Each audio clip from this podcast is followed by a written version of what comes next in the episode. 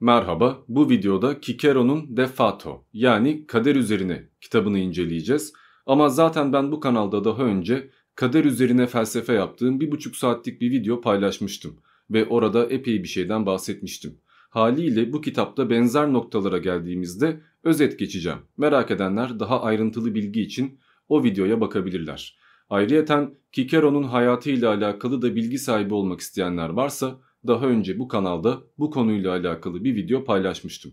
Onu da açıklamaya ekleyeceğim ve son nokta Cicero dememe takılmayın. Yani bu telaffuza göre Cicero veya Cicero diye de okunabiliyor. Yani Latince mi okudun yoksa İtalyanca mı okudun ya da İngilizce mi okudun? Bunlar fark yaratıyor ama hepsi de doğru. Şimdi Kader üzerine eseri M.Ö. 44 ila 43 yılları arasında yani Sezar öldürüldükten kısa bir süre sonra ele alınmaya başlandı. Bu yüzden de epey karışık bir ortamda yazıldığından ve kısa süre sonra Kikero'da idam edildiğinden çok iyi bir şekilde korunamadı. Hatta şu anda şöyle söyleyeyim bu kitap A, B ve V ya da 5 dediğimiz 3 farklı bölümden meydana gelmekte ama bu bölümler daha sonra kopyalanmaları, başka dillere çevrilmeleri veya atıf yapılmaları suretiyle birleştirilebilmişlerdir. Yani şu anda bu eser ilk yazıldığı haliyle günümüze kadar kalmamıştır ve eserde kaybolmuş olan bir takım bölümler vardır. Ve bu üç bölüm de tek bir kişi tarafından elimize geçmedi. Yani 11. yüzyıldan Fransa'dan veya daha sonra Almanya'dan veya başka bölgelerden toplama şartıyla ancak bir araya getirebildik. Zaten kitabın giriş bölümünde sunuşunda çevirmen bunlardan gayet güzel bahsetmiş, konuyu anlatmış. Cengiz Çevik çevirmiş ve bence güzel bir çeviri yapmış. Zaten diğer yaptığı çeviriler de gayet yerinde, epey çalışkan bir adam. Helal olsun. Ben İş Bankası yayınlarından çıkan tercümeyi kullandım. Başka bir tercümesi var mı bilmiyorum, bakmadım ama bu bence gayet yeterliydi. Fakat dediğim gibi her şeye rağmen kitapta 4 tane kayıp bölüm var ve bu da illaki bir eksiklik yaratıyor. Kayıp olan ilk bölüm eserin başlangıç bölümü yani kitap ortadan başlıyor gibi bir durum var. E madem ortadan başlıyor biz bunu nasıl anlayacağız, nasıl bağlayacağız diye merak edenler de vardır. Şöyle antik çağda felsefe üçe ayrılmış vaziyetteydi. Etik yani ahlak felsefesi, fizik yani doğa felsefesi ve mantık. Stoacılık dahil hemen her akımda bu tasnif böyle yapılmıştır ve zaten felsefeyi bir ağaca benzeten ya da felsefeyi çitlerle çevrilmiş bir ortamda duran bir yapıya benzeten birçok filozof vardır. E burada tabii çitler başka bir anlayışa, ağaç başka bir anlayışa, toprak başka bir anlayışa denk gelmektedir. Yani etiği, fiziği ve mantığı bir bütün halinde ele almışlardır. Hatta Descartes da felsefeyi bir ağaca benzetmiştir ve köklerine metafizik demiştir. İşte bu kitapta da böyle bir başlangıç var. Kitap ahlakın tanımıyla başlıyor ve ardından da mantıktan bahsediyor. Yani kuvvetle muhtemel ilk bahsettiği kısım fizikti ve fizikle alakalı bölüm günümüze ulaşmadı. Diğer kayıp olan bölümse 4. ve 5. fragman arasındaki bölüm. Burada da gördüğümüz kadarıyla Hirtius akademicilere benzer bir tartışma yöntemi belirleyeceğini ve buna Cicero'nun cevap vermesini istediğini söylüyor ama ne bu tezi görebiliyoruz, bu yöntemi görebiliyoruz ne de Cicero'nun verdiği cevapları bulabiliyoruz. Daha doğrusu Cicero iki tane cevap vermiş ama ilk cevap kitapta yok. Kayıp olan 3. bölümse 45. kısımdan sonrası ve çevirmenin belirttiğine göre burada kaybolan alan aslında neden sonuçtan, kader ve nedensellik probleminden, her sonucun bir nedene bağlı olmasından ve eğer neden meydana geldiyse sonucun değişip değişemeyeceğinden falan bahsedilmiş. Yani ben taşı bıraktım diyelim. Normalde yere düşmesi bir şarttır. Ama düşmemesi de mümkün mü? Yani Tanrı kendi koyduğu kurallara ters bir şekilde bir gidişat planlayabilir mi? Eğer yapabiliyorsa bu durumda hiçbir şey hakkında kesin konuşmak mümkün değildir. Yani su 100 derecede kaynar diyemezsin çünkü Tanrı isterse kaynamaz. Ama eğer Tanrı böyle bir şey yapmayacaksa bu durumda kader dediğimiz şey determinizmdir. Çünkü neyin ne olacağı, güneşin ne zaman patlayacağı veya bize bir gök taşının ne zaman çarpacağı aşağı yukarı belli. Son kayıp olan bölümse metnin bittiği bölüm. Yani son sayfalar. Bu yüzden de kitap yarım kalmış gibi bir durum var ama o kadar da büyük bir kayıp olduğunu zannetmiyorum. Zira çevirmen de net bir şey söyleyememiş ve ne anlatıldığını tahmin etmek mümkün değil. Ve bakıldığında kitap zaten bitiyor gibi. Yani aslında sonlara gelmişiz. Bir ayrıntıdan bahsedeyim. Eser çift dilli yani bir sayfası Latince bir sayfası Türkçe. Bu yüzden de tercüme yapılan metni de olduğu gibi koymuşlar. Latince pratiği yapmak isteyenler hangi kelimenin aşağı yukarı ne anlama geldiğini tespit etmek maksadıyla okuyabilir ya da Latince bilenler acaba nasıl tercüme edilmiş diye kıyas yapma şansına sahiptir. Bu bağlamda kıymetli bir kitaptır ve kitabın kıymetli olmasındaki diğer bir etkense şudur. Genelde Kikero diyalog formatında yazan bir adamdı ama bu kitapta kitabın başı haricinde kendi ağzından konuşmuş. Yani komple bir şeylere cevap vermiş. Bu da kitabı ayrı bir yere koymuş. Son bir ayrıntı. Kitap gördüğünüz gibi 70-80 sayfa civarında ama bizim inceleyeceğimiz bölüm bu kadar geniş bir bölüm değil. Çünkü Kikero'nun metni toplamda 21 sayfa. E 21 sayfa da Latince koymuşlar. E bir de giriş, açıklama, sunuş bunlarla beraber toplam 70 sayfaya falan tekabül etmiş. Ama dediğim gibi bizi ilgilendiren tarafı şöyle bir şey. Öyleyse metni incelemeye başlayabiliriz ve 3. sayfayla başlıyorum. Şöyle yazıyor. Herkül aşkına, korsan Ikadius'un da belli bir kaderi olduğunu görmüyorum. Zira hiçbir yerde ona geleceğinin önceden söylenmiş olduğu yazmıyor.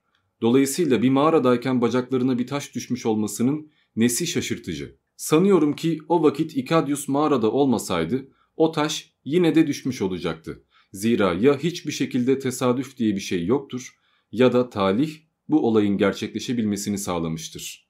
O halde soruyorum. Kaderin hiçbir şekilde adı geçmeseydi, bir karakteri, bir etkisi olmasaydı, dahası birçok şey ya da her şey tesadüfen, şans eseri veyahut rastgele olsaydı, o halde gerçekleşmiş olan olaylar farklı bir şekilde mi gerçekleşirdi? Her şeyin mantığı kader dışında doğa ve talihte arandığına göre o halde kader üzerinde durmanın anlamı nedir? Dolayısıyla Kikero diyor ki eğer taş o adam özellikle sakat kalsın diye düştüyse bu durumda teleoloji vardır, kader vardır, bir amaç vardır. Ama eğer o adam orada yokken de o taş düşecekse yani burada yer çekiminden, fizikten, doğal bir olaydan bahsediyorsak o halde kader yoktur. Yalnızca o adamın o esnada orada olması gibi bir şanssızlık durumu vardır. Ha, o adamın oraya gitmesi de kader sayılabilir ama temelde bu kaderden ziyade kötü talihe benziyor ve bunu başka şeylere de yöneltmek mümkün. Yani millet iddia oynuyor ve kazanıyor.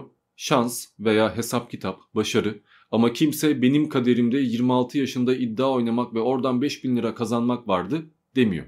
Yani aslında bizim için şans ve kader pek de farklı şeyler değil. Lakin kaderde daha bir amaç, daha bir kutsallık aramaya başlıyoruz ve problemler de burada başlıyor zaten. Mesela buna bağlı bir şekilde ilerleyen sayfalarda kehanet ilminden bahsediyor ve diyor ki kehanet belli bir matematiği olan bir şeydir. Yani ben şu anda Antalya'daysam eğer benim kaderimde bir saniye sonra Hindistan'da ölmek yoktur. Çünkü bir saniye içinde oraya gitmem şu anda mümkün değildir. Eğer böyle bir şey varsa bu yasaya müdahaledir ve hiçbir şey diyemeyiz ama eğer bu olamayacaksa ki olamayacak gibi görünüyor. O halde kader aslında basit bir ilim yani öyle mucizevi bir şeyden bahsetmiyor. Hesap kitap yapmak, çıkarım yapmak yani sallanan bir meyvenin ona taş attığımda düşebileceğini bilmem gibi. Özetle zaten aşamadığımız kurallar varsa veya kestirebilme, önden tahminde bulunabilme gibi bir özelliğimiz, bir imkanımız varsa o halde kadere ihtiyacımız yok. Sayfa 4'te 8. bölümde şöyle yazıyor. Yerin doğası boş bir arsada değil de Pompeius'un kemer altında yürümemizi sağlayabilir mi? Başka biriyle değil de seninle. Ayın ilk günü değil de 15'inde. Nasıl ki yerin doğası bazı şeyler üzerinde bir etkide bulunurken bazı şeyleri hiç etki etmiyorsa, aynı şekilde yıldızların etkisi de kabul edersin ki bazı şeyleri değiştirmekle birlikte kesinlikle her şeyi değiştirmeyecektir. Burada da anlaşılacağı üzere astrolojiye bir gönderme var. Yani illaki yıldızlar veya ay, uydumuz veya güneş farklı bir konumda olsaydı dünyada belki okyanuslar kalkardı. Belki bazı hayvanlar tedirgin olmaya başlarlardı. Yani bir şeyler olurdu. Ama insanın karakteri, kaderi, hayatı, kişiliği yıldızlar tarafından belirleniyor olmak zorunda değildir. Yani meşhur örneğiyle söylüyorsak aynı gün, aynı saat, aynı şehirde doğan 10 tane bebek aynı hayatı mı yaşayacak? Aynı karaktere mi sahip olacak? Olmayacak. Bunu zaten falcılar da biliyor ve yükselen, alçalan, üçüncü evde olan, beşinci evde olan bir sürü ayrıntı katıyorlar ve aslında tamamen yanlış şeyler söyleseler dahi yanlışlanmasına imkan vermiyorlar. Bu yüzden de kehanet bir bilim değildir. Ha eğer bilimse O halde astroloji veya kehanet bir sistemi, bir mantığı olan ve isteyen herkesin o yöntemi izlediğinde yapabileceği bir şey haline gelmeli. Yani laboratuvar işi olmalı. E bu durumda bunda mistik veya tanrısal bir şey kalmıyor. Ama kehanette bulunanlar veya fal bakanlar bu problemleri de bildiklerinden dolayı öyle muğlak konuşuyorlar ki her sözleri 10 tane anlama gelebiliyor. Yani eğer kehanet yanlış çıkarsa sen yanlış anlamışsındır. O esasen onu kastetmemiştir. Ama kehanet doğru çıkarsa mutlaka bunda bir keramet vardır. Kikero devamında şöyle bir örnek veriyor. Eğer kanikula doğarken doğduysa biri o kişi denizde ölmeyecektir. Ve eğer Fabius kanikula doğarken doğduysa demek ki Fabius denizde ölemez. Ama ya Fabius'u alır da suya sokar ve boğarsak bu durumda ne olacak? Ya Fabius gerçekten de boğulmayacak ki bu bir mucize olur ya da Fabius boğulacak ve bu durumda kehanet yanlışlanmış olacak. Bu durumda kahinler ya Fabius'un tam anlamıyla kanikula doğarken doğmadığını söyleyecekler ya da orada başka bir şey kastetmiş olduklarından bahsedecekler ve kesinlikle yanıldıklarını kabul etmeyecekler.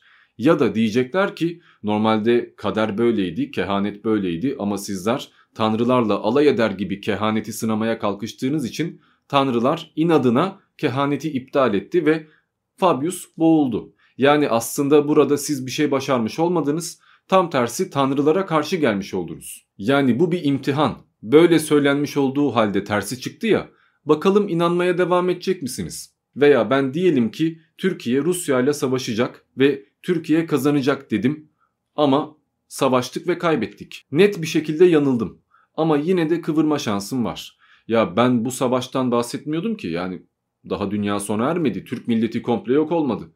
Bir daha savaşacağız. O büyük savaşta bizler kazanacağız. Yani sonra yatıyorum. Ya da diyorum ki biz kazanacaktık ama fazla şımardık. Allah da bizim cezamızı verdi. Yani bize ibret olması maksadıyla, ders olması maksadıyla bu savaşı kaybettirdi. Eğer doğru yoldan ayrılmasaydık savaşı biz kazanacaktık. Bu arada buradaki Canicula Canis takım yıldızıdır. Yani köpek takım yıldızı. Bizler Sirius diye biliyoruz. Araplarda Şira diye geçiyor. Sotis ve Tiştirya gibi farklı isimleri de var. Yani Sirius yıldızı doğduğunda, yükseldiğinde doğan bir insandan bahsediyoruz. Sirius'la alakalı da bir video paylaşmıştım. 2 yıldan fazla oldu. Hatta az önce söylemeyi unuttum. Descartes'la alakalı da videolar paylaştım. Onun felsefe anlayışıyla veya hayatıyla alakalı bilgi sahibi olmak isteyenler bakarlar. Maşallah her şeyle alakalı video yapmışım yani. Neyse araya fazla girmiş olmayayım. Kitaptan devam edeyim. Sayfa 10 ve 11'de önerme 21, 22 ve 23'te özetle şöyle yazıyor. Atlı atlı okuyacağım. Epikür atom sapması fikri sayesinde kaderin kaçınılmazlığı fikrinden kaçılabileceğini düşünüyor. Böylece atomun çok küçük bir alanda sapması neticesinde yüke ve çarpmaya ek olarak üçüncü bir hareket ortaya çıkıyor ve o bu sapmanın nedensiz oluştuğunu kabul etmek zorunda kalıyor. Zira başka bir atom tarafından itilmiş olan bir atom sapmıyor. Eğer Epikür'ün düşündüğü gibi bölünmez cisimler ağırlığın kuvvetiyle düz çizgilerde dikey olarak hareket ediyorsa biri diğerine nasıl çarpabilirdi? Bunu takiben eğer bir atom başka bir atom tarafından asla itilmiyorsa biri diğeriyle karşılaşmayacak demektir. Buradan çıkan sonuca göre atom var olup sapsa dahi bu sapma nedensiz olacaktır.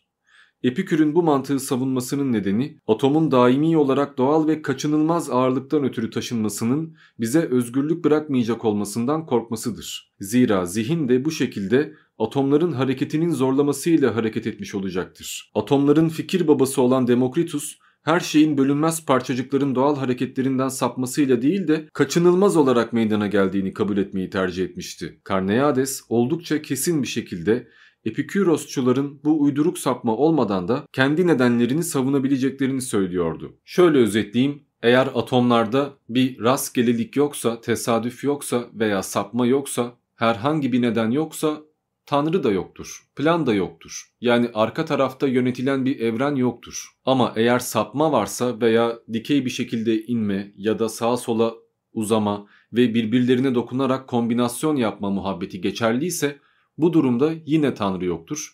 Yine bir plan yoktur. Her şey tesadüf, her şey şans eseri meydana gelmiştir. Yani her halükarda ister Demokritos anlayışından isterse Epikür anlayışından hareket etmiş olalım, Tanrı'ya gerek kalmıyor ve haliyle kader diye bir şey kalmıyor. Zira kalsaydı bu durumda bizim beynimizde meydana gelmiş olan bütün o komplikasyonlar, etkileşimler, sinaps bağlantıları her şey kadere bağlı olacaktı ve bu durumda zaten bizim biz olmamız bir şey ifade etmeyecekti. Dolayısıyla ezeli ve ebedi olan şey atomdu. O hep vardı ve bir tanrıya ihtiyacı yoktu. Ama atom geçen süre zarfında farklı kombinasyonlarla veya sapmalarla tesadüfen bir şeyler meydana getirdi. Ama kesinlikle bunun ardında bir plan, bir amaç, bir bilinç yoktu. Varsa bile bu bizim anladığımız tanrı veya kader kavramına uymuyor. Yani bambaşka bir şeyden bahsediyoruz. Ama tam tersi hesaba katıldığında işte başka başka okullar meydana geliyor. Bir stoacılık var, hardcore kaderci bu adamlar. Bir de materyalistler var yani kader yok, tanrı yok, plan yok. Bu yüzden aslında kaderden ve neden sonuç muhabbetinden bahsettiğimizde net bir sonuca ulaşamıyoruz. Yine ortada kalıyoruz ki bu ortada kalmaya da en meşhur örnek epikürcülerdir. Yani onlar hem Allah yok kader yok gibi konuşuyorlar hem de bir yandan Tanrı vardır, kader vardır, olmaz mı canım falan böyle açıklamalar yapıyorlar. Kikero bu yüzden Epikür'ü ve onu takip edenleri korkak diye adlandırıyor. Yani aslında inanmıyorsunuz baya baya dinsizsiniz yani siz bir Tanrı inancınız yok kader inancınız yok ama millet başınıza bela olmasın diye öyle zevkü sefa yaşamak istiyorsunuz ve ayak yapıyorsunuz. Bugün de benzer şeyler ateistlere karşı yöneltiliyor zaten. Ama bu konuda net bir şey söylemeyeceğim çünkü bugünkü ateizm anlayışıyla o dönemdeki ateizm anlayışı arasında fark vardı. Yani epikürcülük bir anlamda ateizmdi evet ama yani elma ve armut muhabbeti neyse. Özetle kader varsa özgür irade diye bir şey yoktur. Yani külli irade ve cüz'i irade hiçbir şeyi açıklamıyor. İhtiyari kader veya başka türlü kader anlayışları hiçbir problemi çözmüyor. Kaderin ufacık bir kırıntısı bile olsa özgür irade devreden kalkar. Şöyle anlatayım. Diyelim ki benim 45 yaşında bir apartmanın kenarından yürürken başıma saksı düşerek ölmem kaderimde belirlendi. Ama şu anda o mekanda henüz bir apartman yok. Benim orada ölebilmem için önce o apartmanı oraya dikmeleri gerekiyor. Ve o apartmanda hani 8-9 kat gibi yüksek bir kat çıkılması gerekiyor ki saksı düştüğünde gerçekten de öleyim. Yani bir metreden düştüğünde ölecek halim yok yani ikinci kattan işe yaramaz yani. Dolayısıyla oraya bir apartman yapılması, orada inşaat işçilerinin çalışması, o apartmanı yaptıracak kişinin öyle bir plan yapması, para biriktirmiş olması ve benim de o gün orada bir işimin olması ve bir kişinin balkonda saksıyı şöyle yarım bırakmış olması ve o saksının da bir bahaneyle bana düşmesi gerekiyor.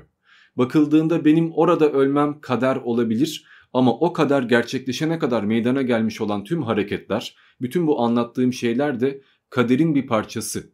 Ama oradaki inşaat işçisi, o apartmanı yaptıran kişi veya o saksıyı oraya o şekilde bırakan kişi bunlar özgür bir iradeyle hareket ettiklerine inanmışlardı karar vermişlerdi, eylemde bulunmuşlardı. Yani ya benim ölmem dahil hiçbir şey kader değil, her şey şans, tesadüf ya da her şey kader. Kikero bu konuyla alakalı şöyle bir açıklama yapıyor. 28 ve 29. bölümler sayfa 13. Bahsedilen bu boş düşünce bizi engellemeyecektir. Zaten filozoflar da kendisine teslim olduğumuzda tümden yok yere yaşamış olacağımız bu düşünceye argos logos demiştir. Filozoflar şöyle bir analiz yapıyor. Eğer kaderinde bu hastalıktan kurtulmak varsa doktor çağırsan da çağırmasan da kurtulacaksın demektir. Aynı şekilde kaderinde bu hastalıktan kurtulmak yoksa doktor çağırsan da çağırmasan da kurtulamayacaksın demektir. İkisi de kaderin olabilir. Dolayısıyla doktor çağırmanın bir önemi yoktur. Bu analiz türü doğru bir şekilde boş ve yetersiz olarak adlandırılmıştır. Zira bu mantığa göre tüm eylem yaşamdan sökülür. Tam stoacılık yani, tam fantum anlayışı. Kaderde varsa her şey yaşanacak o yüzden ben hiçbir şey yapmayayım. Zaten bir şey yapacağım varsa yaparım, yapacağım yoksa da yapmaya kalksam da yapamayacağım. E niye uğraşayım? Ama uğraşıp uğraşmamak da kaderde olan bir şey. Yani burada bir döngü var. Chrysippus bu konuyla alakalı basit ve bileşik kader şeklinde bir ayrım yapıyor ve problemi böyle çözmeye çalışıyor. Mesela Sokrates bugün ölecek dendiğinde Sokrates eğer bu hakikatse ne yaparsa yapsın mutlaka ölecektir. Ha o şekilde ha bu şekilde ama ölmesi kaçınılmaz bir şeydir. Ama Sokrates oğlunu öldürecek dendiğinde oğlu olsa da öldürecek, olmasa da öldürecek diyemiyorsun. Çünkü öldürebilmesi için bir oğula sahip olması lazım. Seks yapması, evlenmesi veya gayrimeşru bir şekilde üremiş olması lazım.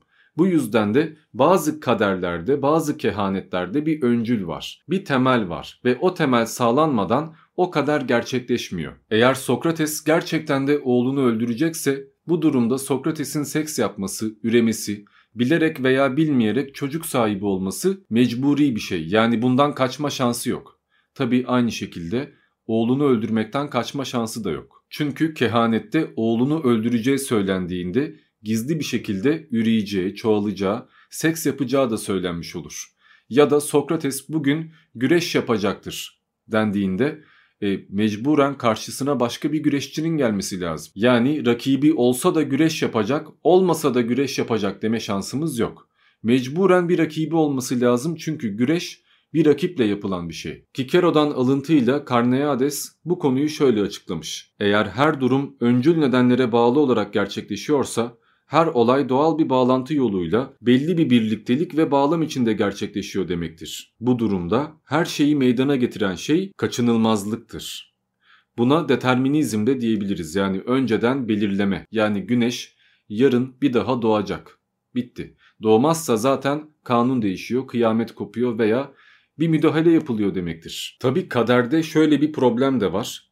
Neticede kaderde bir şeyler geçmişte, şimdi de ve gelecekte yaşanıyor değil mi? Yani zaman diye bir şey var. O halde kader de bir kadere bağlı. Yani şimdiki kaderle 1 milyon yıl sonraki kader arasında bir bağlantı var. Şimdiki kaderin kaderi 1 milyon yıl sonraki kader olmak demek. Ve kader kendi kaderinden kaçamıyor. Kaderde herhangi bir şey değiştiği anda bütün kader değişecektir. Ama kaderin değişmesi de belli bir aşamada yaşanacağı için o kaderin değişebilecek olması hikayesi de bir önceki kaderde zaten belirlenmiştir. Tam anlamıyla bir paradoks var. Diğer bir ifadeyle Kaderin üstünde bir kader vardır. Devam ediyoruz. 15. bölüm numara 34. Öncül bir neden olmadan hiçbir şeyin olamayacağı kabul edilse bile bu nedenlerin ebedi nedenlerden ötürü uygun olmadığını söylemek neye yarar? Oysa neden bir şeye etki edendir ve onun da bir nedeni vardır. Yara nasıl ölümün, hazımsızlık nasıl hastalığın, ateş nasıl alevin nedeni ise buna göre neden bir şeyin öncesinde meydana gelen bir şey olarak değil, o şeyi etkileyecek şekilde ondan önce gelen bir şey olarak anlaşılmalıdır. Top oynamamın nedeni benim sahaya inmiş olmam değildir. Ama iyi giyinmek ve her tarafında altınlarla, mücevherlerle tek başına güvenlik olmadan ormanda boş boş yürümek denk geldiğin takdirde bir hırsız tarafından soyulabilmene neden olabilir. Yani arada fark var. Ama öte yandan o haydudun da sırf mücevherle gezdiniz diye size saldırıda bulunması kadere bağlı olan bir şey. Yani saldırmasındaki asıl sebep mücevherler değil de bir yandan tabiatı, karakteri, kişiliği. Bu bağlamda kimse yaptığı şeylerden sorumlu değil. Yani bir katil katil olmasından, bir tecavüzcü tecavüz etmesinden sorumlu tutulamaz çünkü her şey kadere bağlı. Ama bu şekilde yaşamak, yasa belirlemek, ödül ve ceza vermek, toplum halinde bir arada kalmak mümkün değil. Bu yüzden de özgür bir irade var ve herkes yaptığından sorumludur demek gerekiyor ki düzeni sağlayalım. 47. bölümde yani kitabın sonlarında atom sapması muhabbetine geri dönmüş ve şöyle bir cevap vermiş. Ne dışarıdan dürtülen atomun kendi yerinde hareket ettiğini ve saptığını, ne atomun içinden geçirildiği boşluktaki bölgesinden taşmamasının bir nedeni olduğunu, ne de atomun kendisinde kendi doğal ağırlık hareketini koruyamamasına neden olan bir değişiklik meydana geldiğini söylüyorsun. Yani özetle bu sapmanın var olabilmesi için hiçbir neden ortaya koyamıyorsun. Hiçbir gerekçen yok. O halde böyle bir öğretiyi niçin öne sürüyorsun ve neden kabul ediyorsun? Kikero muhtemelen burada bir açıklama yapıp son noktayı koyup kitabı bitirecekti. Ama o bölüm dediğim üzere kaybolmuş. Bu yüzden de şimdilik bu kadar. Ben Diamond diğer videolarda görüşmek üzere.